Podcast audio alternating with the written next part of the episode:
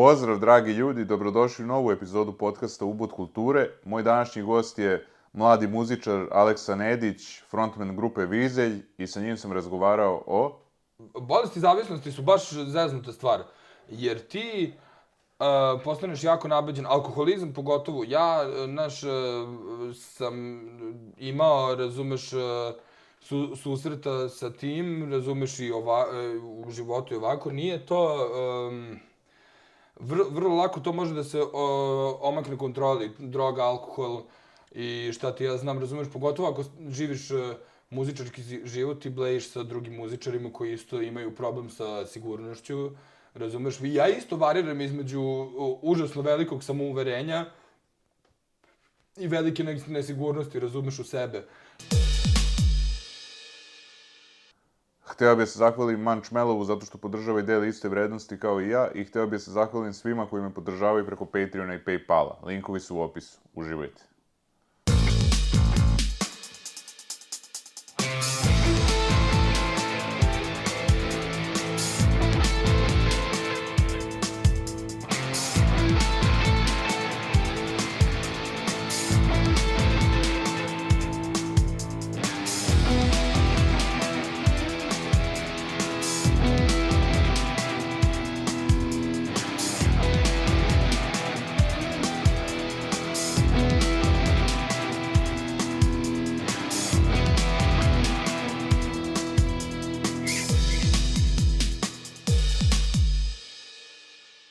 Aleksa, dobrodošao, mnogo ti hvala što si došao. E, hvala i tebi što si me zvao, ono.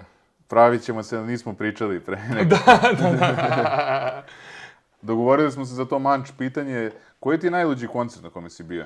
Uf, najluđi koncert na kome sam bio, ako ne računamo moje koncerte ovaj, i koncerte benda i svih bendova u kojima sam svirao, verovatno Swans što su bili, to je bilo potpuno ne... To je sigurno najluđi najluđi koncert. Sad bilo je najbolji koncert, tipa Kasabijan, kad smo kad sam bio u Škotskoj nešto ih slušao, to je bilo potpuno nenormalno.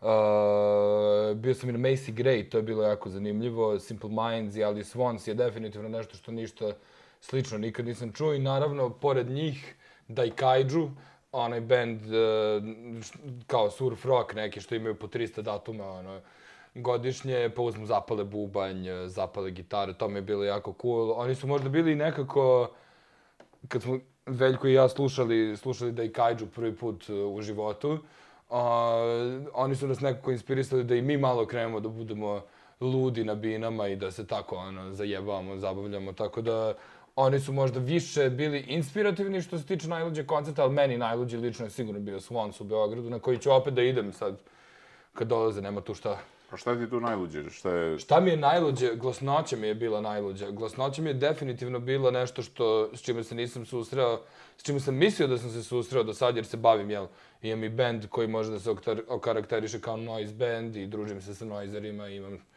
razne neke, ovaj, uh, razne neke varijante u kojoj sam ja bio izložen glasnoj muzici, ali ja nikada ništa glasnije nisam čuo u životu dok nisam otišao na Swans. Uh, dakle, sam njegov vokal je toliko prodoran, delili su i čepiće za uši koje ja naravno nisam koristio dok nije bilo prekasno. I onda sutradan je bilo baš, sutradan je bilo baš ludilo. Ali dobro, ovaj, naučiš sve u svoje vreme, ali svakako nije... Um, biti izložen glasnoj muzici je ipak nekako, svi govore oštetit će ti sluh, zuje će ti ušima, pa ti govore tako te stvari, ali nekako moraš da osjetiš to, ovaj, pa ako i ogluviš, ovaj, znaš bar zašto si ogluveo, ono, ali vidiš, svi mi govore i da glasno pričam i da se derem, razumeš, tako da je već krenulo, krenuo sam da ispunjavam svoje snove o ogluvljivanju od glasne rock'n'roll muzike, tako da nije strašno. Pa baš je bio i Igor gost, ovaj, on je mladi pijanista i pričao nam je o nekom eksper eksperimentu što je urađen, čini mi se, u Kolarcu, da je bio ovaj, gde su stavljali kao ovaj, da vide to koliko mogu da izdrže koju glasnoću ljudi, pa su stari ljudi napuštali, jel? Nisu da, mogli da, da, da izdrže. Pa, ovaj, dobro, možda, da... možda mladi pijanisti tretiraju ovaj, glasnoću drugačije nego, da, da. nego, nego mi. On je ipak eh, čovek ozbiljan pijanista i nekako ja razumem da je njemu stalo više do njegovog sluha nego meni. Ovaj, meni je ipak, meni je također naravno stalo da čujem, ali a, nekako mi smo i stavljali te čepiće za uši i pokušavali smo možda nešto i sa Inirom i šta ti ja znam, ali nekako želim, ja najveće, mislim sad ću da zvučim ko Kanye West, ono to, ali on je to rekao, ali meni je on gotivan, ono, nemam pojma, uh, kada je, kada je rekao najveće, uh, najveću kletvu koju sam ja uh, Uh, u životu dobio ovaj, od strane Boga je što nikad nisam mogu da gledam uživo Kanye Vesta. Ovaj, razumeš? I onda isto tako i meni je na neki način kletva što nikad nisam mogao da gledam Vizelj uživo. Mogu, gledam ja snimke i naše i sve to, ali nije to to i onda se trudimo da, pa čak makar to značilo ne nositi čepiće za uši, da što više osetimo sa publikom. Isto tako, ja koji organizujem uh, i festivale, ja sam deo Kišobran kolektiva, Hali Gali sam jedan i od uh, osnivača, znam kako je kada, e, kada si na festivalu i znam i kako je ljudima koji rade tu i znam i ljud, kako je ljudima koji dolaze i kako da ih što više zabavimo. I više puta sam na festivalima kada sam ve, velikim, većim, uh, kad smo nastupali, ja vidim našu binu, pa ne znam, 30 metara ogradu, E, praznog pa ogradu, pa onda tamo publika i ja kažem, ono čoveče, daj, ajde nešto da razumeš, e, smislimo da bude malo priskije. Ok, negde ne može ako je neka najveća bina, ali kao kad su te omanje bine, daj malo da smanjimo. I onda svi nekako, prvo, ti, prvo da izgledaš ljudima kao diva, kao sad ti imaš neke posebne zahteve uprkos tome što to nije posebno zahtev, ali onda se ja ponudim, razumeš, ili Veljko i ja se ponudim, dajte, na primjer, to navodim samo kao primjer šta, kako po, postanemo bliski sa publikom i sa ljudima koji rade, jer uvijek moramo da budemo dobri sa njima, nikada ne smemo da se postavimo kada smo mi iznad bilo koga, dakle svi smo tu zajedno da napravimo nešto nezaboravno, ponudimo se, siđemo dole, povučemo zajedno sa securityjem, kao ajde, pomoći ćemo vam mi, znaš ono, povučemo zajedno ogradu i onda nekako je sa svima cool. Mi naravno ono, volimo i da blejimo s njima i da ono, da ako treba poduvamo joint, ništa nije frka to. Naravno, kad se radi, radi se, ali ako si ti dobar prema nama, razumeš, dobri smo i mi prema tebi, nema nikakav problem nikada sa nama. Ikada, što je možda i poenta, ono, e, i možda teško da, kada, da razaznaš, ono, imanje benda i gde si ti, da si ti kao bog muzike s jedne strane i da si jako nabeđen što se toga tiče, zato što misliš da ti muzika kida. I ja sam isto jako nabeđen. Ja stvarno mislim da je naša muzika jedna od najboljih na ovim prostorima, ali isto tako uh, to što neko možda nema muzički talenat, uh, nego ima talenat za neke tehnikali, razumeš, na festivalima ili u klubovima, to to ne znači da je taj neko niže biće od mene. To mi je malo, a ima takvih ljudi, uh, to mi je malo bez veze. Tako da se trudimo da uvek budemo onako, što bliži narodu, jel? Da ipak smo mi pre svega zabavljači i došli smo tu da svim bude lepo, a ne da svi, ja volim kad su svi pogledi upereni u mene i u moj bend, razumeš, ali više smo tu da se zezamo, znaš. Pričali smo dosta u ovim podcastima o sceni 80-ih, 90-ih, spominjali smo i ovu noviju scenu. Ovaj, u principu, dosta je bilo priča o tome kako su bendovi 90-ih svirački bili dosta jači nego ovi bendovi kao 80-ih. To su pričali ljudi koji su, da kažem, svirali 90-ih. Da, da, da, da, da, da. Tako da, ovaj, da ono, naš, nije bilo baš lako ljudima da izađu na scenu sa njima, posle njih da sviraju, kad vide kako su oni... Pa nije ljudima sad ni, ni lako, ako je to pitanje, ono, nije ljudima sad... To se da te pitam. Da, da, da, da, da. Nije ljudima ni sad lako da izađu posle nas, naš, muzika napreduje, internet napreduje, dolaze te neke nove vrste tih... Da, da medija sfera u kome ti možeš da se ono eksponiraš. Uh, evo, dobar, dobar primjer, ne samo domaći bendovi, nego i strani. Baš sam sa jednom koleginicom iz određenog benda išao u Zagreb uh, na koncert benda She Wants Revenge, ona je isto u jako poznatom bendu, ovaj, hrvatskom, i mi odlazimo tamo u, iz Pocket Palme, Aha. ovaj, uh, Anja, i mi odlazimo tamo na koncert i slušamo i oboje volimo jako, jako, jako taj bend. Slušamo ih i oboje kontamo da nekako jedini razlog, jedina razlika između koncert je pokidao, sve je super, ali jedina razlika između kao domaćih izvođača i stranih izvođača na tom nivou su što smo mi domaći, oni su strani. I njen band, i moj band, i svi možemo otprilike isti spektakl da napravimo. Naravno, tu ima i moment e, skuplji instrumenti, veći producenti, Los Angeles je mnogo veći od Zagreba, Beograda, razumeš i toga svega, ali ne postoji kada imaš internet, suštinska razlika u kvalitetu zvuka praktično ne postoji. Neko pravi bolje pesme, neko gore. Uh, naravno, uh, uvek je dobar taj uh, u, kulturološkom smislu zapadni, mislim, ono, upliv, sad će da me napljuju, ono, ko, ko, kolege, ali nije, ali pričam samo u kulturološkom, razumijem.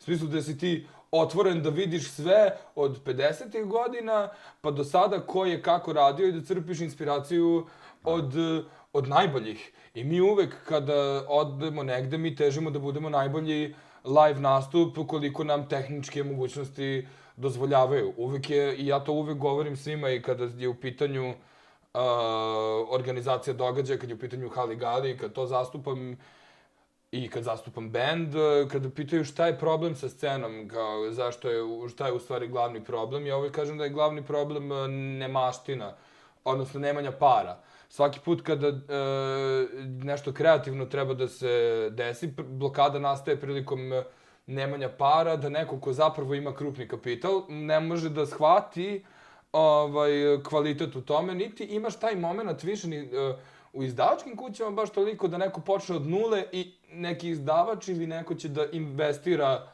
uh, u tebe od starta zato što je tvoja ideja gotivna, nego već si nešto napravio, pa onda ćemo da vidimo. To ono, glasat ću za tebe kad postaneš predsednik, razumeš, to ti je, uh, uh, to ti je ta fora. Ali, mislim, mi kao predsednici ovaj, rock muzike možemo slobodno sada i da imamo neke zahteve, međutim, suštinski samo pare su uvek bile problem, kreativnosti ima uh, beskonačno. Ono što možda neka starija generacija može da vidi kao problem uh, je taj uh, da je krenulo da se koketira sa raznim muzičkim žanrovima. Ranije si nekako imao podvojeno ovi su reperi, ovi su rockeri, niko se tu ne druži sa njima, zato nije ni koncept neki kao što je Hali Gali mogao ni da nastane, jer jednostavno nisi, uh, postojala je ta stigma između muzičkih žanrova koju smo mi i mi i razne kolege i hvala im ono iz rap pop scene uh, zajedno razbili. I sad ima taj moment gde ti se trudiš da implementiraš sav mogući sadržaj, da bude prezasićeno sadržaj. Ja najviše volim, na primjer, na festivalima, kad ne znam gde ću pre, na koju binu, jer vamo je band koji volimo, namo je band koji volim, tamo je DJ koji volim i mi to pokušavamo, razumeš, da prenesemo i to su ovi ljudi primetili. Evo, dešava se sada moment da kao, uh, ono, ne, neka stara garda se trudi da mi objasni šta je rock and roll, šta nije rock and roll, nema tu šta da se objašnjava, sve je rock and roll, ono. Udaranje ljudi patikom u glavu je isto dosta rock and roll, mislim kao moramo, mor, moramo priznati, razumeš da je to neka vrsta, ono, ne, ne, nije baš antirežimski, ali je nešto što izaziva moralnu paniku. Ja volim sve što izaziva moralnu paniku, na, ono, makar to bio, ono, Pride, e, ne znam, udaranje ljudi patikom u glavu, e, bilo kakav skandal da se desi da je ono, iz kulturološke neke perspektive. Ja to sve volim, razumeš, zato što iz, e, razbija uh, uštogljenost tu ljudi koji kao ble na internetu ili gledaju ovaj, i, i, i imaju neki već izgrađeni moralni kompas, pa im se pročačka um, razumeš malo. Meni to jako cool. Ako ima smisla, naravno, da nije samo vulgarno, jel? A reci mi, koga bi ti izdvojio od tih mlađih bendova? Ovaj, vi imate i onu kompilaciju Hali Gali, pa verovatno odatle bi... Ovaj... Pa mislim da... Znaš, mene ljudi ovde poznaju u bendu kao, u, u, na sceni kao nekog, neku vrstu muzičkog skauta. Da. Ja se ložim na futbal, baš dosta. I, uh, I na košarku, ali i na futbol pre svega. I ja mnogo volim taj koncept skautovanja koji, da ti ideš i istražuješ mlade talente i način na koji skautovi uh, ovaj, to traže šta im je potrebno i mene isto zezaju da sam ono muzički skaut, e, e, razumeš? I onda sad ja koji jako poznajem dobro domaću e, scenu, sada ako bi krenuo da navodim, mislim da će neko da se naljuti, što, kako se zove, nisam kad nisam spomenuo, ali ajde da probamo. kako Dobro, ne moraš sve, da kaži par. Aj, ajde da probamo. Pa evo, imamo sada novi, snimamo sada novu kompilaciju, Hali Gali kompilaciju 2, od devet bendova na prvoj kompilaciji, snimamo kompilaciju 2, gde je sedam od tih devet bendova opstalo, što je jako teško da toliko bendova opstane u ovom momentu. Ali Kad je eto, bila prva kompilacija? Prva kompilacija je bila 2019. na 20. Ovaj, I evo, znaš, još se desila korona i šta se sve desilo da. među vremenu i ljudi su preživeli. Ovaj, to je jako dobar skor bendova da, da. koji je preživeo. I sad, imaš nas, koji vodimo priču, imaš koji, koji, koji, koji, koji, koji se lancirao umeđu vremenu širom Evrope, koji su nam isto jako bliski prijatelji, imaš ga Zorp, Zorp, eh, Sveta Pseta, Sid Pinker, Shice the Bitter Lemon, koji su naši možda i najstariji drugari. Um, imaš uh, od tih novih bendova Days, koji će, treba obratiti pažnju na njih, Cactus Fields, ubili su Butlera, i ima prototip koji isto sad skoro izbacio album i tako će se od toga sastojati kompilacija, ali ono što, nešto čini ovu kompilaciju zapravo uh, bitnijom od svih ostalih kompilacija? Zato što je uh, bendova, dramska pauza. zato što je zato što je druga. Uh, svi bendovi kog se ja primetio do sad koji su pravili te kompilacije, razumeš, iz XY razloga su pričali kako mm, ti ne možeš nekako da imaš još jednu kompilaciju. Svi se isvađaju, frkaju oko para, ovo ono, evo, mi ćemo da izbacimo drugu kompilaciju. Niko nikada u istoriji rock and rolla u Srbiji nije izbacio dve kompilacije da zaokruži priču kako sada zvuči muzika, kako tada je zvučala. Znači, vi ste složni. Mi smo, mi smo apsolutno složni i ne vidim kako ćemo se posvađati nikada niko iz Hali Galije, osim ako se ja ne posvađam sam sa sobom. Ovaj, prilikom organizovanja svih tih stvari. Međutim... A misliš da je to prednost mlađih bendova i mlađe generacije, to što nisu toliko sujetni kao što pa su nis... možda nekad ranije? Pa ja mislim da je sujeta, ozbilj...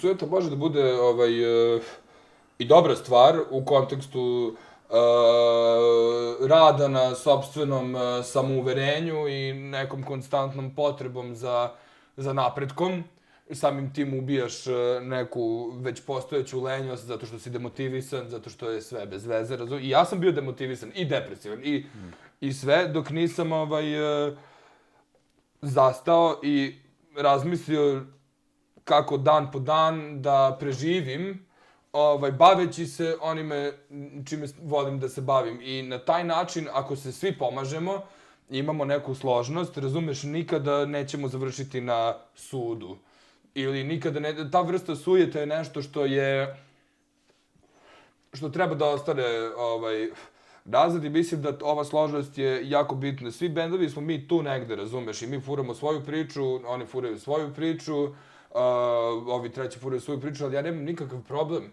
Ja nemam problem, znaš, uh, evo, desio se generacijski užasno bitan koncert pre neki dan, Butch Cassidy na Tašmajdanu, na rasprodatom Tašmajdanu, to su mi isto drugari, jesi bio? Nisi bio, ja sam bio. Ovaj, I dešavalo se, desilo se stvarno ta magija da, eto, konačno mi imamo generacijski bend. Generacijski bend koji je sada u ovom trenutku možda i veći od Party Breakers, razumeš? I uh, drago mi je što naša generacija, upravo to, milenijalci, razumeš, ono, imamo to.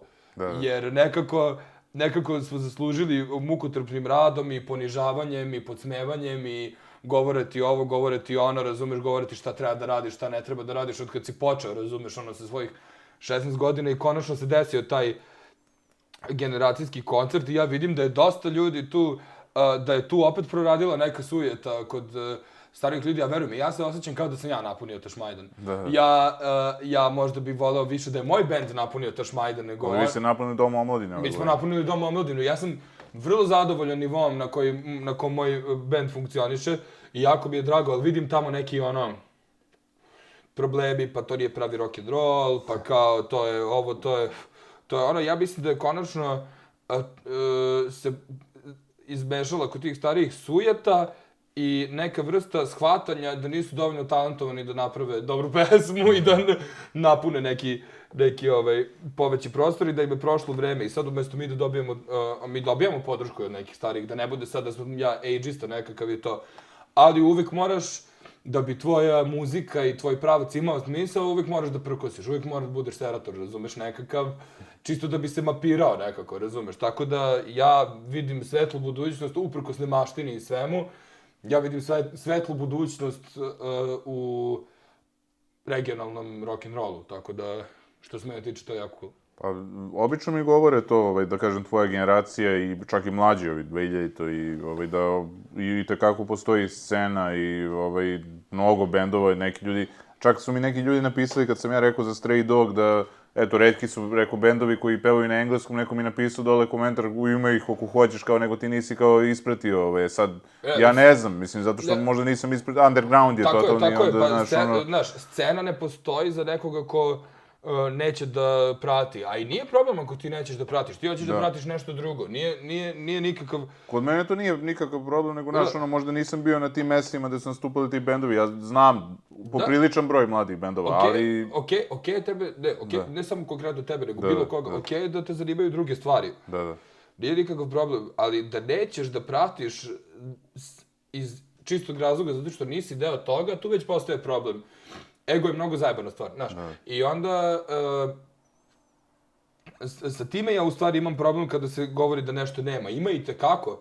Samo moraš malo da prođeš, nema u mainstream medijima, Pa to. ono, na, ali kao, što se mene tiče je cool, i Stray Dog mi je cool, Stray Dog mi je jako cool. Ovaj, a, I evo Dukat sad, znaš, ono se vratio sa tim Sam Ohio bandom. sa Ohajom, da, put je prelepa pesma i meni je to i meni je to jako drago što je i on i ekipa koja svira s njim su opet uspeli da se nakače na naš ovaj eh, na naš pravac i na našu generaciju jer zaslužuju, razumeš, ono, jako, jako je dobra muzika. S tim u vezi, znaš, ja mogu samo da budem srećan i da ima, eh, razumeš, što više bendova, da nas ne zabadamo sebi noževe u leđa i da se trudimo svi da pomognemo jedni drugima, znaš.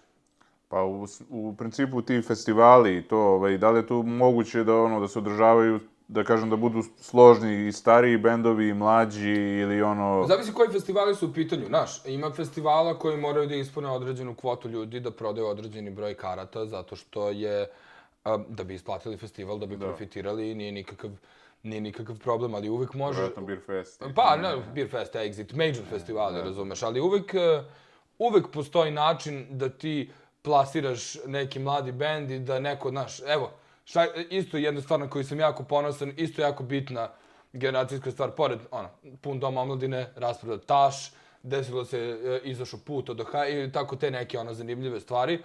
Još jedna jako bitna stvar koja se desila ove sezone, Exit, čiji ja čak i nisam, način na koji oni rade mi nije možda e, najomiljeniji, ali evo, dolaze Viagra Boys. Ovaj, neko je stao, razmislio i zvao naše drugare Shizer Bitter Lemon da upravo otvaraju pre Viagra Boysa. I ja sam prvo mislio, zbog njihovog načina funkcionisanja, da li je to zato što su se tako nekako potrefili tonske probe ili je to nešto tako, ne. Provereno sad znam, oni su njih zvali sa razlogom da bi oni otvarali za Viagra Boys. Tako da ne znam ko je taj čovek koji je to smislio, hvala mu i hvala Šajzerima što su pokidali i učinili nam sve ponosnim na glavnoj bini uh, Exita, razumeš, i uh, konačno, znaš, ono, je neko seo razmislio i koji bi zapravo band mogao da bude dobar. Ti uvek možeš da izdvojiš neku kintu ili nešto, mi ćemo da razumemo, ako je neka gotivna priča, razumeš, e, u, u pitanju. Tako da, mislim da sad kreće, ovaj, post, sad je već korona prošla, nema toga sad više uh, toliko, sad se već sve vratilo u normalu. Ova sezona festivalska je možda bila malo i slabija nego inače, ali već vidim kako će sledeća da razvaljuje. Tako da baš mi je, baš mi je drago i trudimo se. Ja. A reci mi što se tiče mesta, gde ti voliš da nastupaš, ono, ako je to na polju, ako je to unutra, koje su to, jel ti voliš više onako intimniju? Ja najviše volim klubove to, 150 ljudi prima, a 350 ljudi bude, zato što mi je jako cool da tako budu ljudi na ljudima intimna atmosfera, ali volim sve. Nama ne zavisi zapravo kvalitet koncerta toliko mm, od količine ljudi. Zavisi u kontekstu kao, naš, i publika pravi atmosferu, ali mi smo ono veliki profesionalci što se toga tiče, ali ono što ja preferiram je to klub za 150 ljudi, bude 300 ljudi, to mi je milina, razumeš, to mi je, to mi je možda omiljena stvar na svetu. Ovaj, isto tu da probamo,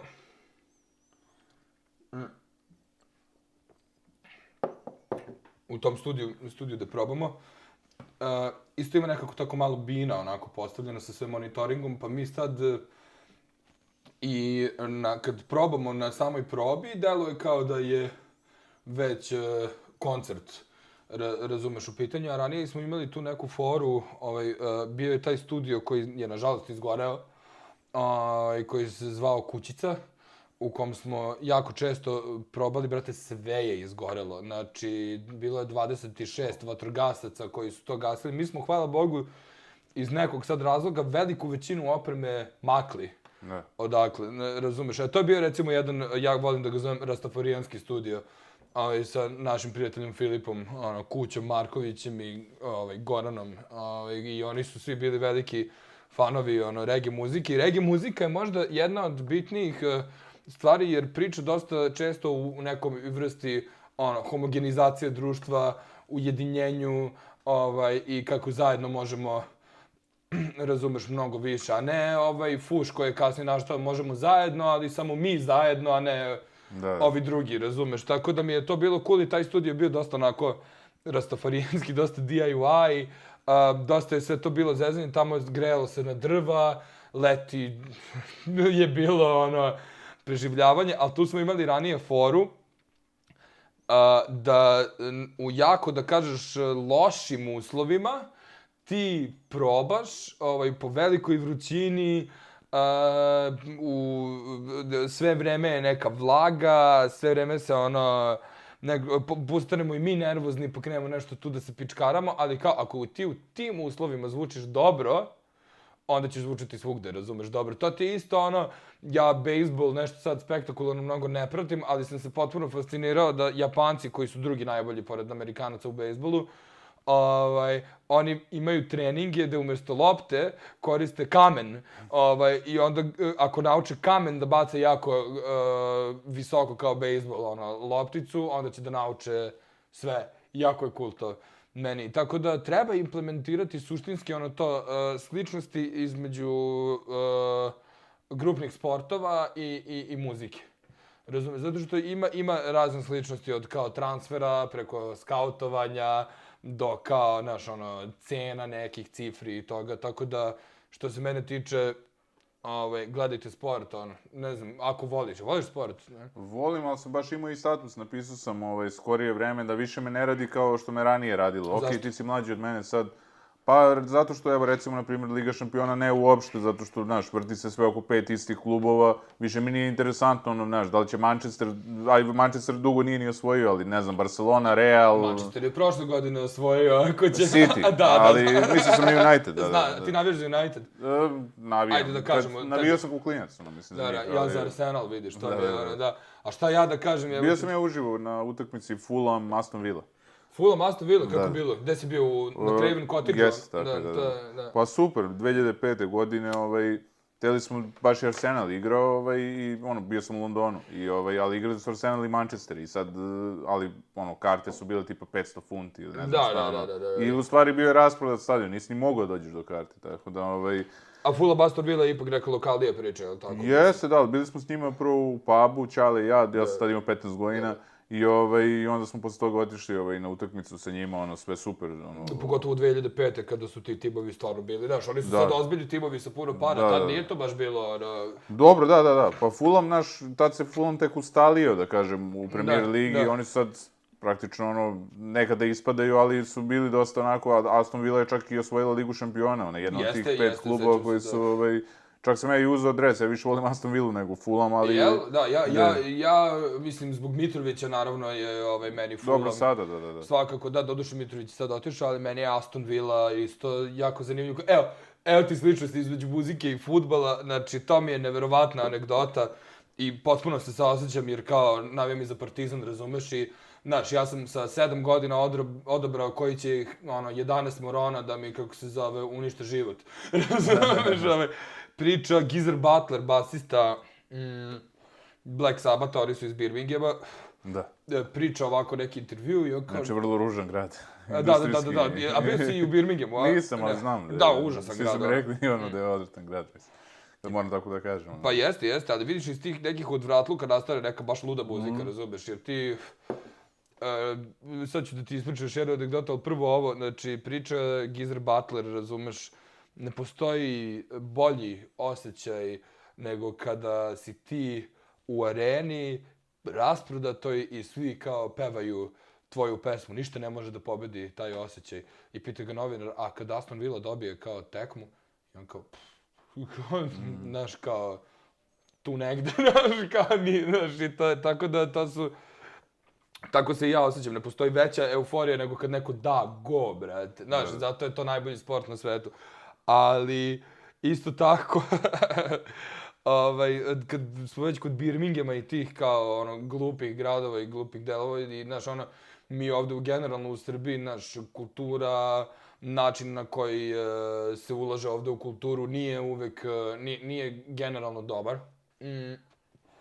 I gledam kolege koji su iz e, regionalnih zemalja, I sada ti imaš, e, mi smo svirali u Engleskoj, ne znam da li znaš za tu informaciju. E, čuo sam nešto se pričao u onom intervju. To, to, to. Mi kad smo svirali u Engleskoj, mi smo otišli tamo, mi i tri hrvatska benda, znači bili smo mi, Mort, uh, From Another Mother i, i, i Demus Rush i mi idemo tamo i sad sviramo taj neki showcase festival u Liverpoolu, kao da je ko, kolevka muzike, odande su Beatles. Baš sam to njih, da, da spomenem Liverpool, ono, kako su obojene kuće, sve, ovaj, mm -hmm. jedna u plavu, kao Evertonov navijač. To, to, to, to, to, da, e, mi smo, da, da, da, Ja, koliko je, zabit, koliko je tužno biti Evertonov navijač, ono, verovatno koliko, tužnije nego Partizanov navijač, ono, to je, zato što Everton ima uh, na Goodison Parku manje pobjeda nad Liverpoolom nego Liverpool. Ovaj, mi smo bili baš konkretno na Liverpoolovoj strani uh, Merseyside-a, jel, tu, ovaj, i svirao mi taj showcase festival Liverpool South City, sad tu ima kao širom Evrope, bendova, koliko hoćeš, uh, raznih, uglavnom zapadne Evrope. Mi smo jedva došli do tamo, razumeš, dok mi dobijemo vize, dok ovo, dok ono. Ovaj, pa pritom svi su naši ovaj, uh, sve kolege iz Hrvatske su delili iste instrumente da bi se smanjio trošak, a mi smo levoruki, pa smo mi morali da nosimo naše instrumente, pa šta je sve tu bilo, razumeš? A, mi tamo sviramo i ja, evo, kunuti se životom, znaš, ono, mi gledamo i stvarno, znaš, u top 10 nastupa, nisam ih gledao sve, ali sigurno u top 10 nastupa je bio, brate, smo bili sva četiri benda, razumeš? Uh, zato što ovdje kada osjetiš taj neki ono problem, razumeš, i to, to tebe motiviše da praviš e, dosta luđu muziku, zato što ti je život sam po sebi luđi. Tebi kad je nešto dato, razumeš, ono, na tacni, ako ti, na primjer, nemam pojma, država plaća da ti sebi snimiš album i to, to ume da utiče loše na kvalitet. I onda je to veliki problem u kontekstu uh, da šta je zapravo pravo, da, da li je taj struggle, razumeš, koji ti osjetiš, da li je to nešto što ti treba ili je to ipak nešto iz čega želiš da izađeš, da li potraga za boljim životom ipak prevazilazi uh, potrebu da ti zapravo nešto osjetiš i onda da iz toga ono, napraviš nekakav zvuk. Ne kažem ja da mi pravimo antisistemsku muziku, baš naprotiv, nije ni prosistemska, ni antisistemska, nego je muzika takva da ti, naš, svaki dan slušaš ovo je uradio ovo, ovaj zaklo ovog, ovo je ono, da neki postoji, ono, uh, ventil gde će ljudi da dođu da se zabave. I naša poenta je da se ti zabaviš. Mi naravno šaljemo ovaj, poruke uh, neophodne za uh, time što se mi bavimo je samo poruka eh, po sebi, ali uopšte nije politizovana. I poenta je samo da se ljudi dobro provedu i da bar tih sat, sat i po vremena u tom bablu, razumeš se, oni osete dobrodošlo i da su svi jednaki i da se svi zezamo, razumeš? Ovo što si ti sad rekao kao teške teme i to, baš zato sam ja sad ovo kad sam radio ovaj strip, ovo što sam ti pričao pre, ovaj, Dobre. gledao da bude tema neka kao komedija, nešto, znaš, ono malo smešnije i da ne bude toliko ono, naš, turobno, jer sve nekako postalo mračno, pa previše nekih, ono, i ja sam počeo gledam serije, znaš, ono, ne znam, gledao sam Dexter sad, ovo, ovo da, da, forenzičara, da, da, da, da, razumeš, ono, mislim, stalno neko hasapljenje, stalno nešto, da. ono, i razmišljam se posle, dobro, okej, okay, ali naporno je kad gledaš puno ono tih epizoda, znaš, ono, da, bre, ne, treba ti nešto da odmoriš. Ipak, meni su omiljeni filmovi, ranije bili slow burn, ono, filmovi, meni je omiljeni, evo sad što je Galeb imao ovog Charlie'a Kaufmana, mm. ja sam odlepio, to mi je omiljeni reditelj bio. Razumeš, i, i Sinek duh New York je bio moj omiljeni film, Ovo, ovaj, isto tako, taj film mi je potpuno uništio život, mislim, razumeš, taj film ti objašnjava kako je sve ono u kurcu i da koliko god ti da se trudiš da nikada nećeš izaći iz kurca osim ako ne znam ni ja šta razumeš tako da ja se sad gledam bukvalno komedije Da, ovaj, gledam komedije. Jesi gledao ove, onaj, da kažemo, iz ranih 2000-ih i sredine, ono, Superbad. e, Gledao sam i- kako nema, ne, ne, ne, Superbad je, Superbad je neverovatan, ono, film. Imam i majicu tu negde, ovaj, I to što je to komedija, što je to, znaš, ono, tebi izaziva smeh, to nije ništa manje uh, duboko n- nego ti slow burn filmovi. Isto tako i u muzici, razumeš? To što je tebi tekst težak i piše o nekim teškim temama, to ne, uh, uh, ne znači da to ima veću vrednost nego moji tekstovi koji su Da, da. ovaj pre svega je najbitnije da znaš ono da se ze, ze, zezaš, razumeš, da se ti uh, zezaš i da je tebi to zabavno. Ja to stalno govorim ljudima. Ja mi ovo radimo uh, znači i Hali Gali i Kišobran i Vizelj i šta sam već sve radio side projekte, razumeš? Me, dok je zezanje i dok mi je zabavno, ja ću to da radim, razumeš? Kada prestane da mi bude zabavno, ja neću to više da radim. Znaš. Da. I to je jedino, kad mi postane dosadno, znaš, ja sam radio, imao sam u svom životu ranije neke ovaj, e, situacije i onda sam ja morao da uđem u korporativu, razumeš, i da kao zarađuju neke pare i onda kada upadneš u korporativni, razumeš, život, krećeš da razmišljaš na način, čoveče, kao najviše bi na svetu volao, ali zamisli ti taj mindset, što ti uradi korporacija, ja bi najviše volao da ja nemam druga interesovanja, jer bi mi onda to pomoglo da u mom 9 to 5 poslu, razumeš, ja ti da samo radim... potpuno. Da, da ja samo radim taj posao i da nemam dodatni, razumeš, stres. Da nemaš onaj neki kao neku želju da nešto Da, da, kao da, sa da, da. strane, onaj drugi svet. Da, da, da, totalno ja najviše ono- bih volao da nemam drugi svet. Dok se nisam prešao, to je bio sezona čoveče, brate, pa to je potpuno, Da, da. potpuno drugačiji način razmišljanja. Ajde da rizikujem da umrem od gladi, ovaj, da, kako znam, da kao što vidiš, ono, ne umiram od gladi, razumeš, ono?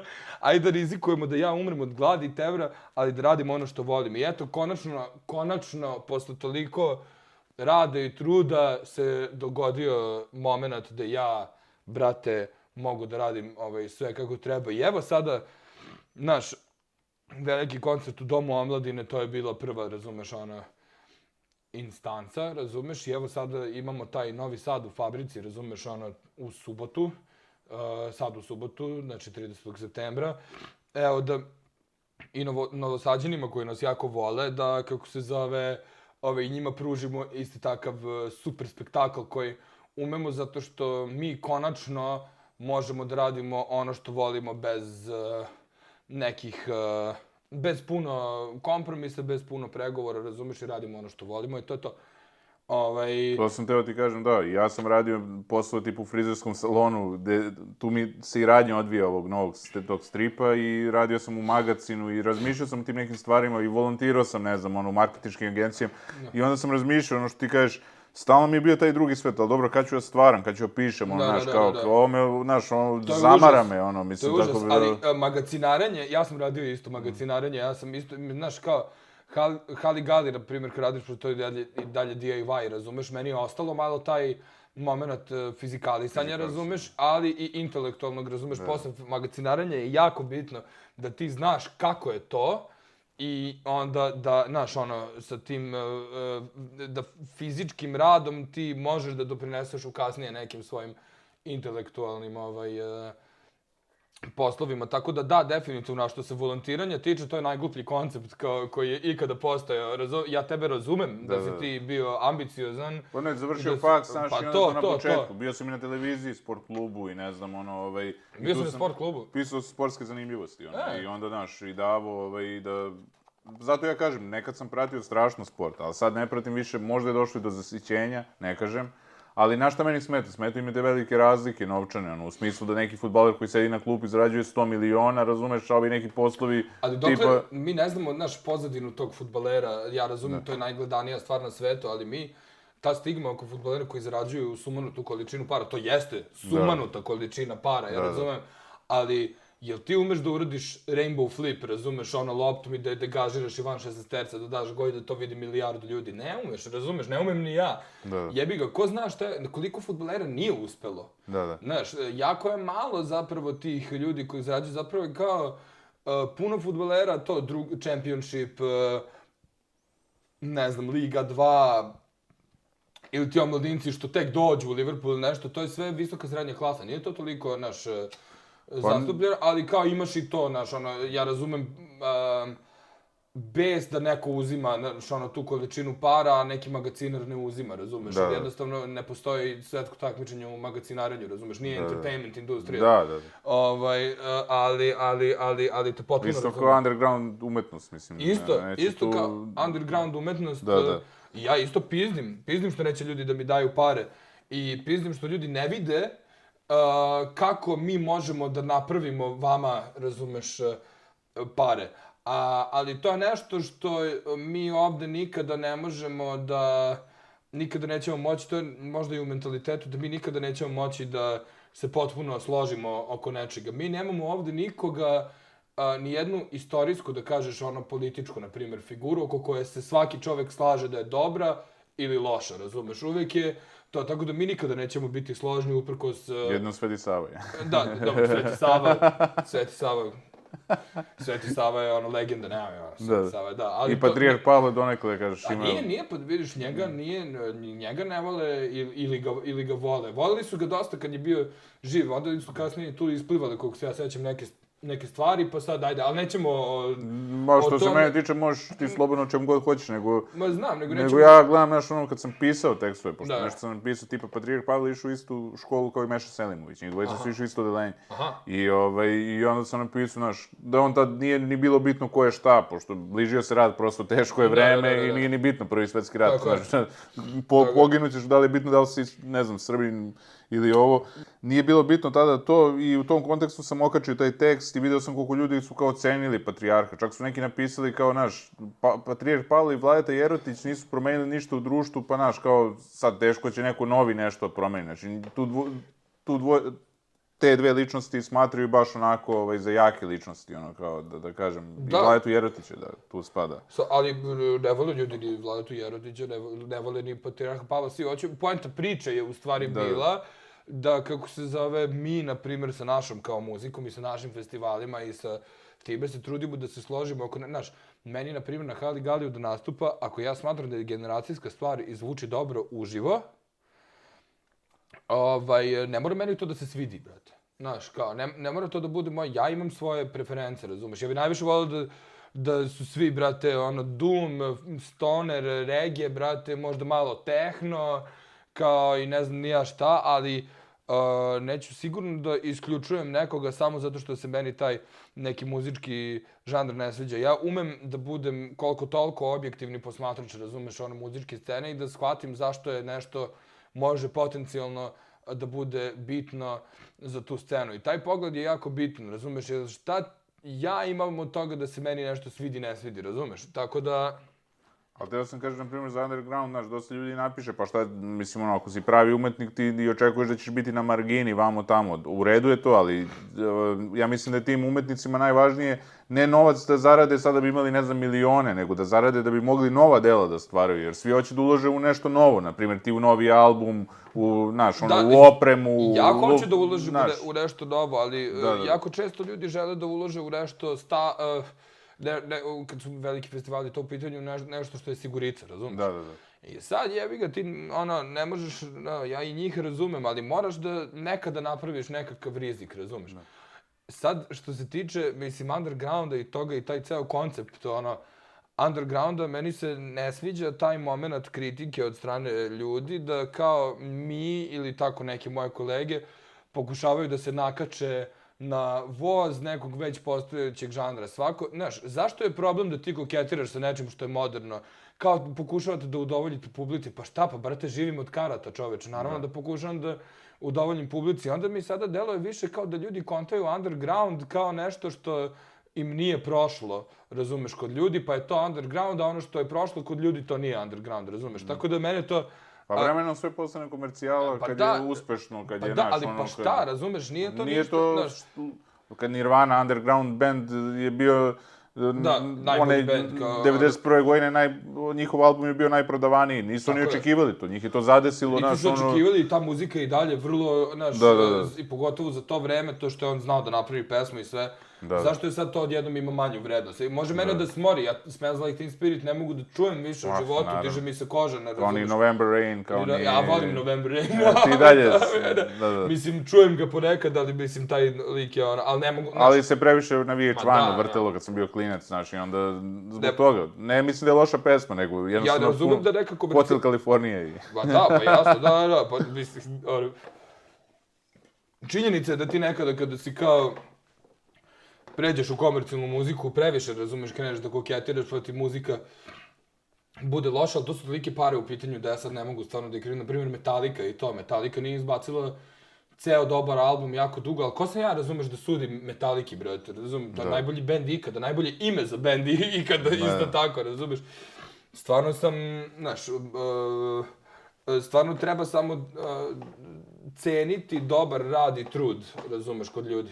I smatram, znaš, da svuda može se nađe publika, da je dobro za bendove da putuju po zemlji Tako je, i tako po je, selima je. i po... Mi smo, e, to, To, to si dobro rekao, mi smo jebote, ja mislim svako selo obišli, razumeš, koje smo mogli u periodu kada nas je bilo troje, kada tehnički uslovi čak i nisu bili toliko bitni jer nas je bilo gitara, bas, bubanj.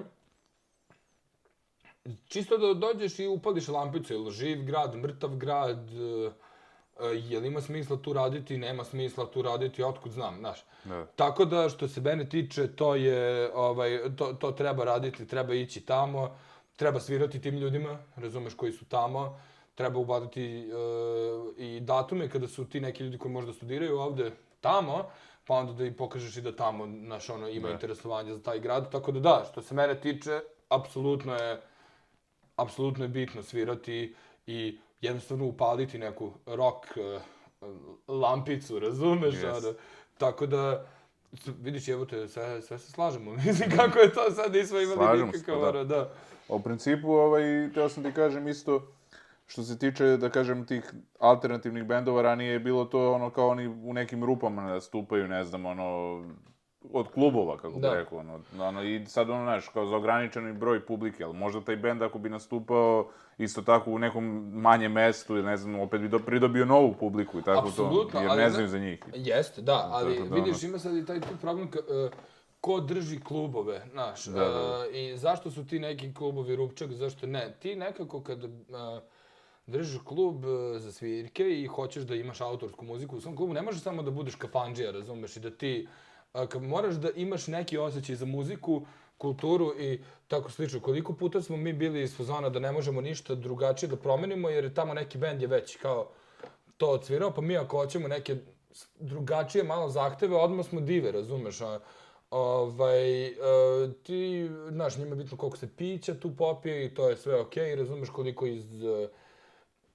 Znaš, uh, koliko će da zarade na šanku i sve to cool, ali, znaš, e, e, prvo je ranije bilo, svi su imali svoju opremu, koliko se ja sećam. I onda odjednom kao se dešava da kao niko nema opremu, moraš sve, sve sam da donosiš, zato što to sad ima neki novi, razumeš, ono, ono, standard, na kraju će klubovi biti, brate, ja ću morati da sprovedem struju. Da, da. I ima sve manje i manje alternativnih, razumeš, ono, kao prostora, gde zapravo može neko da dođe da svira i da se pokaže kako, znaš, ono, i ja stvarno nikada neću prežaliti, na primjer, ovaj, eh, ljubitelj u klubu u Gornjem Milanovcu. Ja to nikada neću prežaliti što se to zatvorilo između ostalog i zbog zbog covida taj klub je stavio Gornji Milanovac na mapu, brate. Mi smo tamo svirali svaki put prepuno, svaki put čoveče, ono, eh, svirali smo sedam puta ta, ne znam koliko, mi ja mislim da smo eh, najviše puta svirali tamo i da nije tog čoveka ja nikada ne bi znao, razumeš, za da tamo, razumeš, ima nešto, a odande su i bjesovi i šta je sve, razumeš, odande. Međutim, A, to, to je sad zamrlo i sa, sa time još nekoliko klubova je krenulo da se gasi i znaš, re, sad je već postalo čak i malo redko da ti nađeš na nekog dobrog e, razumeš gazdu. odjedno ti treba da nosiš svoj mikser, pa nemaju svi bendovi, znaš, mi čak i možemo da se snađemo ako baš moramo, ako mislimo da je dobra priča, ne mogu svi bendovi da nose sve, čoveče. Znaš, ja kad sam napravio bend, ja nisam imao pojma da će deo mog e, ben, imanja benda da uh, bude papirologija, preko da. pregovaranje, ugovaranje, dogovaranje, razumiješ? Ja sam mislio je to rock and roll, brate, ribe, naš, ne znaš u kom gradu sviraš i super ti je, razumeš, ono, ima i toga, znaš, ali uvek no, ima i taj deo da se ti kao baviš time i stresiraš, razumeš, i to e, o, ogroman stres. U svakom poslu ima neki deo koji ne voliš. Naravno, da. Ono... Ima jedino, znaš, ja, ja sam to svima rekao, znaš, mene sve u životu malo nervira. Da. Znaš, ono, e, volim da, kako se zove, ono, kako imam devojku, volim ja, me malo nervira, razumeš? Ako imam, kako se zove to, kao band, malo me nerviraju, ali ih isto tako volim, volim da organizujem događaje, ali me malo nervira, razumeš? To jedino što me ne nervira je FIFA ono, ja bi mogao da igram po 12 sati FIFA, razumeš, ja bi mogao samo da zabodem i zaovek da igram FIFA, nervira me kad primim go u FIFA, ali to je ono, jedina, to, majka svih igrica, razumeš, to je jedino što me zaista uopšte ne nervira, razumeš, ono, i ja kada bih mogao da se živi od igranja FIFA, razumeš, ono, ali igranja FIFA ne da ideš na takmičenje i to, razumeš, nego da kao... Od kuće, kao Od da. kuće, da, i da ti uplaćuju na račun da gledaju kao, znaš, kako ti primiš, primaš kako golovi. Kako neki zarađuju za druge igrice. Ono da bili, ba, znam, bra, ja, e, to, e, kako bi to bilo dobro. Volim i NBA, brate, eto, i to me ne nervira, razumeš. GTA me isto nije nervirao, ali sad uzimam mnogo gigabajta i onda ne mogu baš da ga igram, razumeš. A ima i oni poslovi da možeš da pratiš statistiku za razne firme, ovaj, da gledaš NBA i kao zapisuješ koliko je, znaš za to. Znam za to, razumeš, da. ali kao statistika te ne nervira, statistika te nervira. Znaš, razumeš, da, pričamo o nečemu što je kompletno i apsolutno, razumeš, uživancija. Isto tako, ono što volim, na primjer, ubodem se u bas gitaru, razumeš, ono, sebi u pojačalo, razumeš, i odvrnem naks, od, odvrnem, ono, notu, razumeš, samo praviš neki, ono, sustain noise. To isto ume da bude oslobađajuće. Ne mogu živim od toga. Ja znam za jednog, zaboravio sam kako se zove, ali to mi je bio ludilo koncept. Uh, Dakle, rekao sam ti na početku uh, epizode The Blame sa uh, Noiserima i svašta. Ko je, kako se zvao? Ne mogu da se setim kako se čovjek zvao. On je imao after party, razumeš, od žurki, gde je tu bilo ono gudra i šta ti ja znam, sve kako inače izgledaju, razumeš, afteri od nečega, ali je isto tako imao ovakav nekakav, razumeš, sto i na stolu poređene razne neke procesore, pedale, klavijatura, razumeš, ono, i neki zvučnici, I onda ti tu bleješ na toj kao afteraška bleja, klasična, razumeš?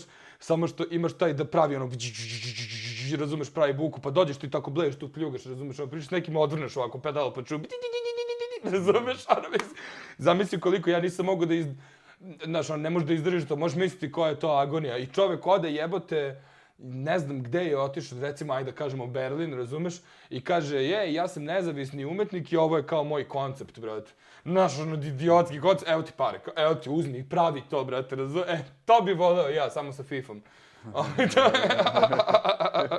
Dobar ti koncept. Tako da to, to, ne, ko, koncept je ludilo, brate, igraš FIFA-u, ono, na Xboxu i to je to. Tako da, lepo je, lepo je sve to. Najviše u životu, u stvari, treba težiti da ne radiš ništa, da grinduješ i da radiš e, što više u ovom periodu dok još imaš snage, dok još imaš jetru, dok još imaš kao razumeš ona... Nisu izjeli džigirice. Dok mi nisu izjeli džigirice, a izjedaju, brate, izjedaju svakodnevno, razumeš. Lešinari.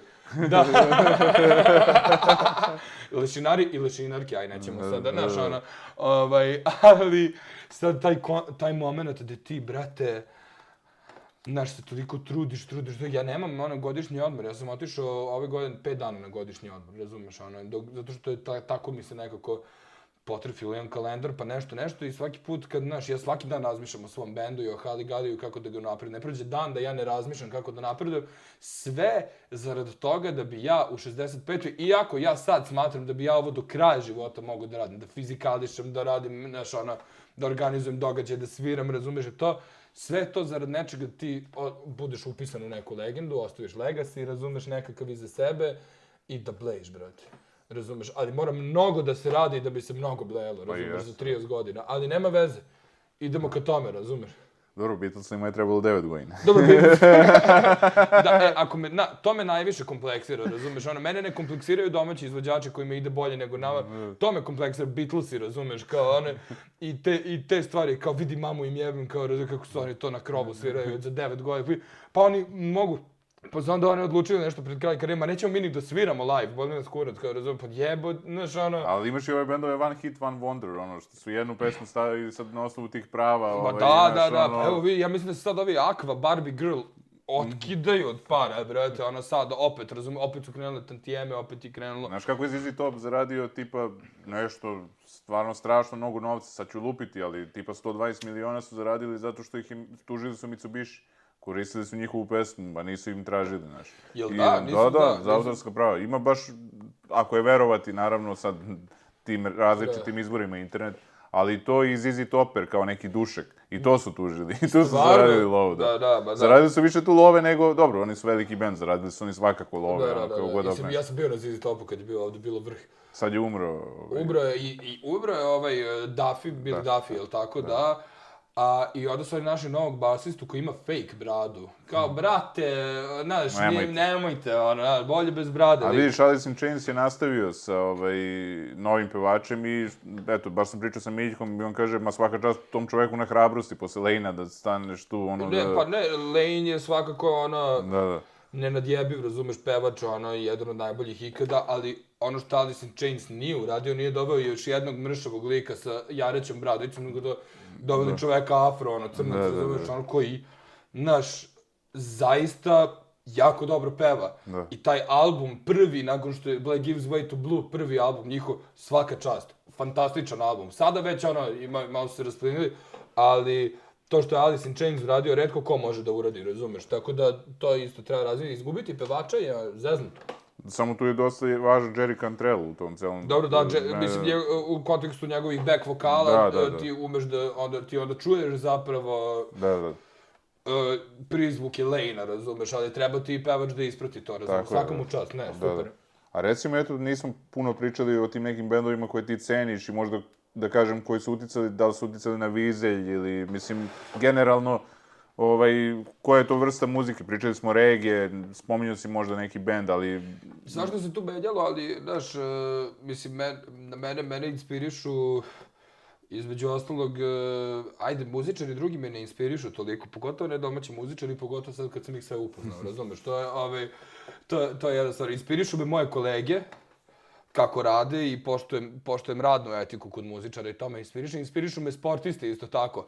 Ronaldo, Đoković, Michael Jordan, razumeš, ovaj, i svi ti ljudi koji su potpuno ono, imaju fiks ideje da su najbolji i teže ka tome da budu najbolji uz najveći mogući rad i trud. Tako da inspirativno ja mogu da vučem ono naš iz eh, reggae muzike, iz, ono, i Bob Marley naravno, razumeš i uh, tih stvari, Joy Division, Clash, uh, to sve može da bude inspirativno u kontekstu muzike, ali u kontekstu napretka, znači ono, kolege plus razumeš ovaj sportisti, jer taj mindset je jedino što te može izvući iz ono umetničkog tripovanja da si ti neka faca, a nisi da ti je sve palo s neba zašto umeš da napraviš dobru pesmu.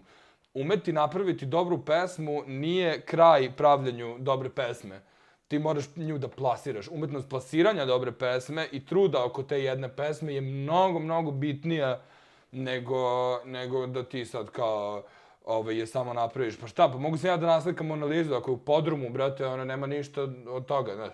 Tako da to ljudi moraju da razumeju, da nije samo a, umetnost napraviti dobru pesmu, znaš. Tako da što se toga, što se inspiracije tiče u tom sam fazonu sad. Sad si me podsjetio, pošto sam baš gledao za redom dokumentarce one o Chicagu i ovaj, o, o Joy Divisionu, ovaj, nije dokumentarac, nego Film, igrani ali, film, da, Control, ovaj, da ga je ovaj skinuo baš dobro, ovaj Jeste, glumac. jeste, odličan je film taj. I ovaj, a i ovo što se tiče Jordana, znaš, mnogi su zamerili kao, ja nisam ništa zamerio Jordanu, meni je on najbolji košarkaš svih vremena. Dobro, da. Ne, ja ne gledam to po, kako bi rekao, rekordima, ja gledam po stilu. Niko nije, nema tu gracioznost, tu, kako bi rekao, jednostavno kad ga vidiš on leti, to je toliko nekako lepo, ono, umetnički Je- nekako, jest, ne, jest, tako da apsol- kažem, ono, apsolutno. ovaj, E sad ono što kažu svi kao, Đavola bi on to uspeo bez Pipena, a kao non stop govori ja pa ja, pa ima pravo da kaže čovjek, Ali ne osvojio govori je... nikada ništa o Pipenu. Da, Znaš, uvek da. govori sve najbolje o Pipenu. Nikada da, da. se to nije desilo da on njega nešto pljuje. Ne se možda ne gotivi više ovako, ali ja nikada nisam čuo Jordana za koga govore da je uradio kao ono,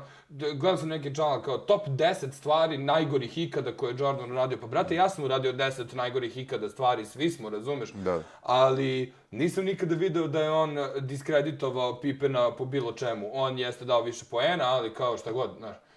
Tako da što se toga tiče sve najbolje. Ko kompulsivno kockanje, na primjer, njegovo je problem u kontekstu uh, zavisnosti, jer kao neke bolesti zavisnosti umeju vrlo da te sputavaju, ali ja mislim da njegovo kompulsivno kockanje je bilo u stvari kompulsivna potreba da ti budeš najbolji u nečemu. Tako je. Pa, naš, nažal, nažalost se to, pred, ta mutacija, razumeš, se pretvorila u kockanje. Međutim, Igraju i golf i, mislim, ono, ali... Igraju i golf, to je sve zbog, pa, naš, međutim, Da, e, bo, bolesti zavisnosti su baš zeznuta stvar. Jer ti uh, Eh, postaneš jako nabeđen, alkoholizam pogotovo. Ja, eh, naš, uh, sam imao, razumeš, uh, su, susreta sa tim, razumeš i ova, uh, u životu i ovako. Nije to... Um, vrlo, vrlo lako to može da se uh, omakne kontroli, droga, alkohol i šta ti ja znam, razumeš, pogotovo ako živiš uh, muzičarski život i blejiš sa drugim muzičarima koji isto imaju problem sa sigurnošću, razumeš? Ja isto variram između užasno velikog samouverenja i velike nesigurnosti, razumeš, u sebe. Isto tako... Mislim da je to normalno. Pa, I pazi, to, to posle normalno, koncerta, verovatno ovaj adrenalin kad te pukne. Naravno, naravno. Šta ćeš sa njim, gde ćeš, ono, to je... Adrenalin koji te pukne, znaš, ja mogu da imam 39 temperaturu. Da. I ja ću da umirem pre koncerta i posle, ali koncert ću da izguram. Nešto se desi, ne znam ni ja šta. Ali zeznuto je, znaš, i onda bležiš sa ljudima koji drže kafane, bležiš sa ljudima koji drže klubove, bležiš sa ljudima koji, znaš, ono... Teški su to izazovi, da. Svugde da.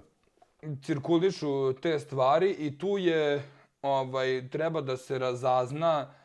A, tu treba zapravo da se razazna šta je tebi na prvom mestu. Da li je tebi na prvom mestu da progresuješ, da budeš najbolji i da li ti je muzika na prvom mestu, a ovo ostalo je koketiranje jer si kao ili slab ili si ovo ono, ili ti je to postalo prvo mesto. Na, ako ti je to postalo prvo mesto, ti si ćao, razumeš, ono, napravit ćeš problem, sjebaćeš sebe, sjebaćeš sve oko sebe i to bi bilo to. Puno sam stvari video koje su, znaš, ona, uh, uzele maha, razumeš, takvog. I ja sam imao problem, razumeš, sa tim, ali na kraju, na kraju je sve, hvala Bogu, ispalo kako treba, jer ipak ljubav prema muzici, muzičkom stvaralaštvu i uh, uh, ljubav prema kolektivu je preovladala, razumeš, i ja živim život, razumeš, ona, svaki dan.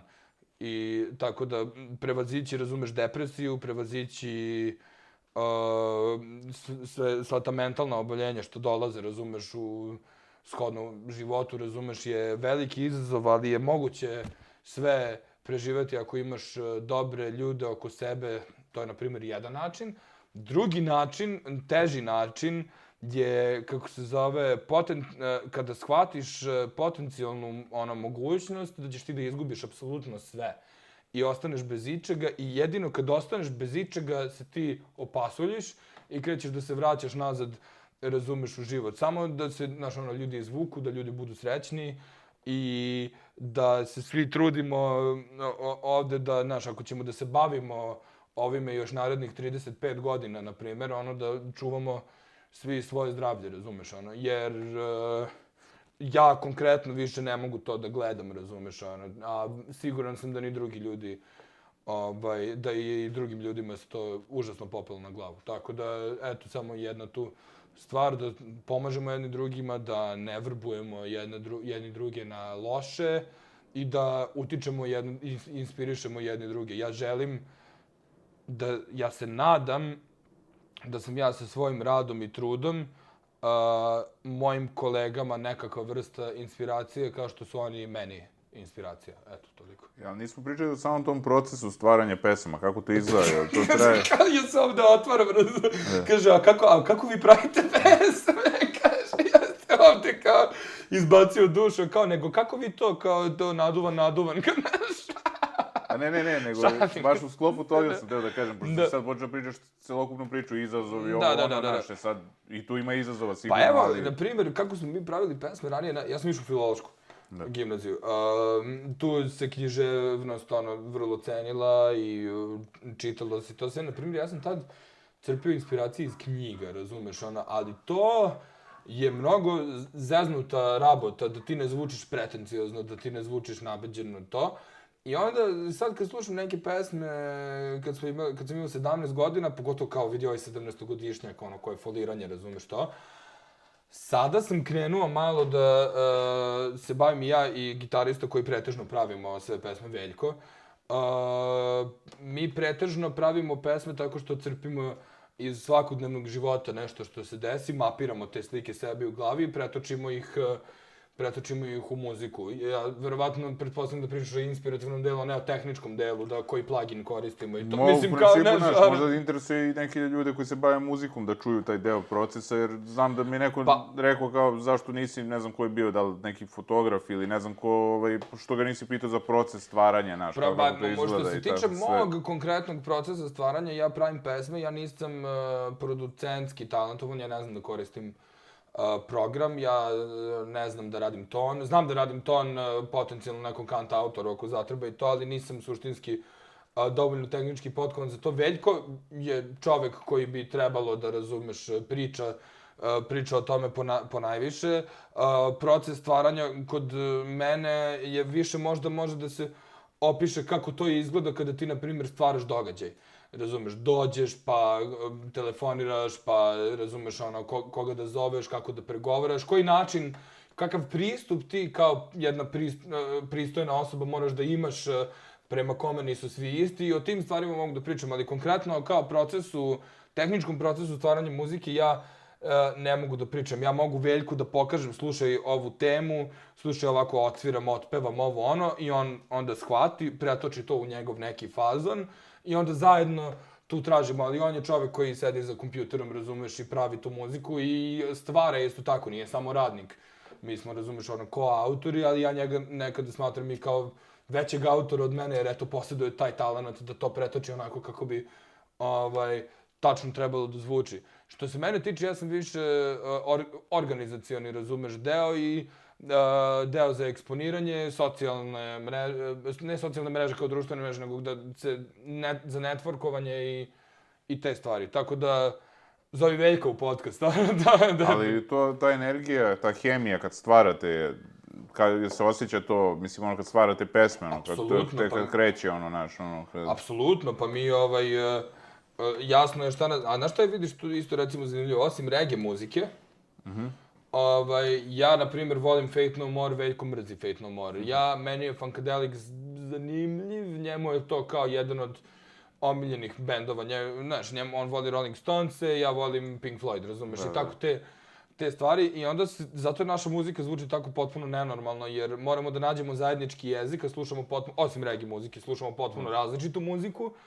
Ovaj, I na kraju, i na kraju se stvori tako nešto ludo. Tako da proces za stvaranje muzike je takav da ti, brate, e, ako te vozi, ako nas vozi obojicu, to sigurno mora da ide, znaš, e, da se izbaci. Tako da to, to je najbolji opisan proces. Pazi, nisi te slučajno ovo pitao, otvorio si se i mhm. krenuo si tu priču, ali ja sam te pitao zato što, recimo, ja kad sam se kockao, pošto znaju ljudi, ja sam to i pričao u podcastima i pisao sam knjige o tome, tako da, ovaj, Uh, meni je prosto stvaranje pomoglo da se izbavim odatle. Zato sam ja te, pitao tebe za proces, ono, šta je tebi pomoglo u tim, da kažem, teškim situacijama, da, pa, kad si uh, bio u problemu? Ja sam imao podršku, uh,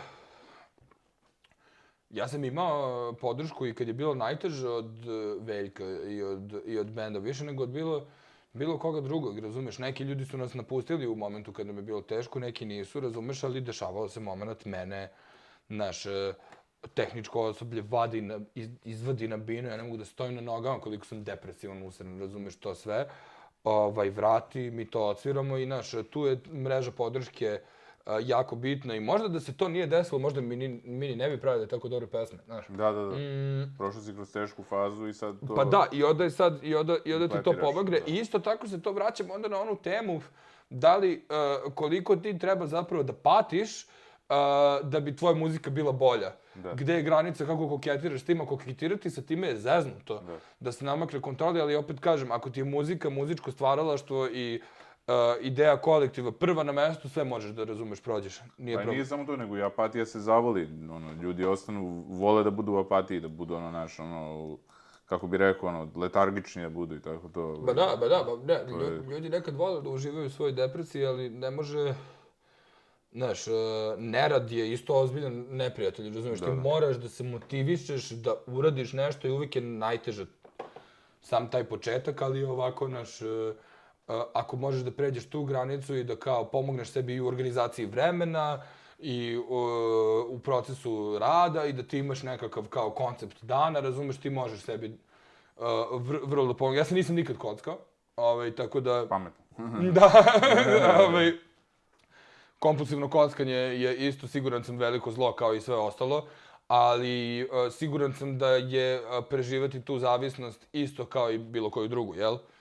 Ove, mislim, ja sad, ono, lupam gubu, pušam cigare, ne mogu da ostavim cigare, znaš, ali bar sam uspeo da se uobličim i da znam koliko čega treba raditi, koliko i, i, i, i, i koliko, kako se zove, i gde je tvoja granica i tvog organizma, razumeš? Da. Tako da, hvala Bogu da si se izvukao iz toga, razumeš, ono, i evo sad... Ja, ovdje... znaš, nisam došao ni tog, do tog stadijuma, nisam nikad nikome dugovo, tipa da. zelenaši, da, to, da. sva sreća, ja sam si, ja, ali sam ja samog sebe psihički u to uveo, znaš, da je bilo posle teško taj adrenalin nadomestiti sa nečim sam, drugim. Tako je, to, tako to je. najteže. Ne postoji ni jedan, uh, ja kocku isto smatram nekom psihoaktivnom substancom, da, da kažemo, ne postoji nikakav uh, jači drive od psihoaktivne uh, substance, razumeš, ali ako imaš to nečime da zameniš, ako tebe radi da pišeš knjige ili da praviš muziku, onda to ništa ne može da zameni, jer je tvoje stvaralaštvo tebi napravilo neku uh, neobjašnjivu energiju, razumeš? I eto, opet to, znači to na prvom mestu, pa ostalo, razumeš? Tako da to je što se tiče toga, na.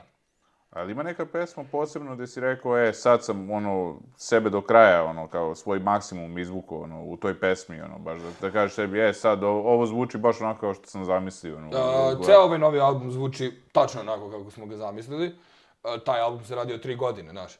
Ovaj, a što se tiče live izvođenja, ovo što smo obradili, ovu stoju, uh, ovaj, i uzeli da se, uzeli, kad ja uzem da vrištim, ono, razumeš, u mikrofon, to mi je onako baš... Katarzično. Oslobađajuće, da. ovaj, sad sam malo, zbog cigara, verovatno, i toga, ono, malo mi je, ne mogu više, toliko dobro da skrimujem, ali trudim se. Ovaj, mm, mislim da smo vi, što se tiče ovog albuma, sad izvukli apsolutni maksimum, ovaj, što se ti, apsolutni maksimum koji imamo i sada nadalje je malo jasnije, zato što smo uvek kaskali sami za sobom. Mi radimo turneje, sviramo stari album, već nam se radi, već dugo nam se radi nešto novo, naš. A sada konačno smo u, u koraku sa sobstvenim vremenom i onda mi radimo to što radimo. A isto tako, ovaj, eh,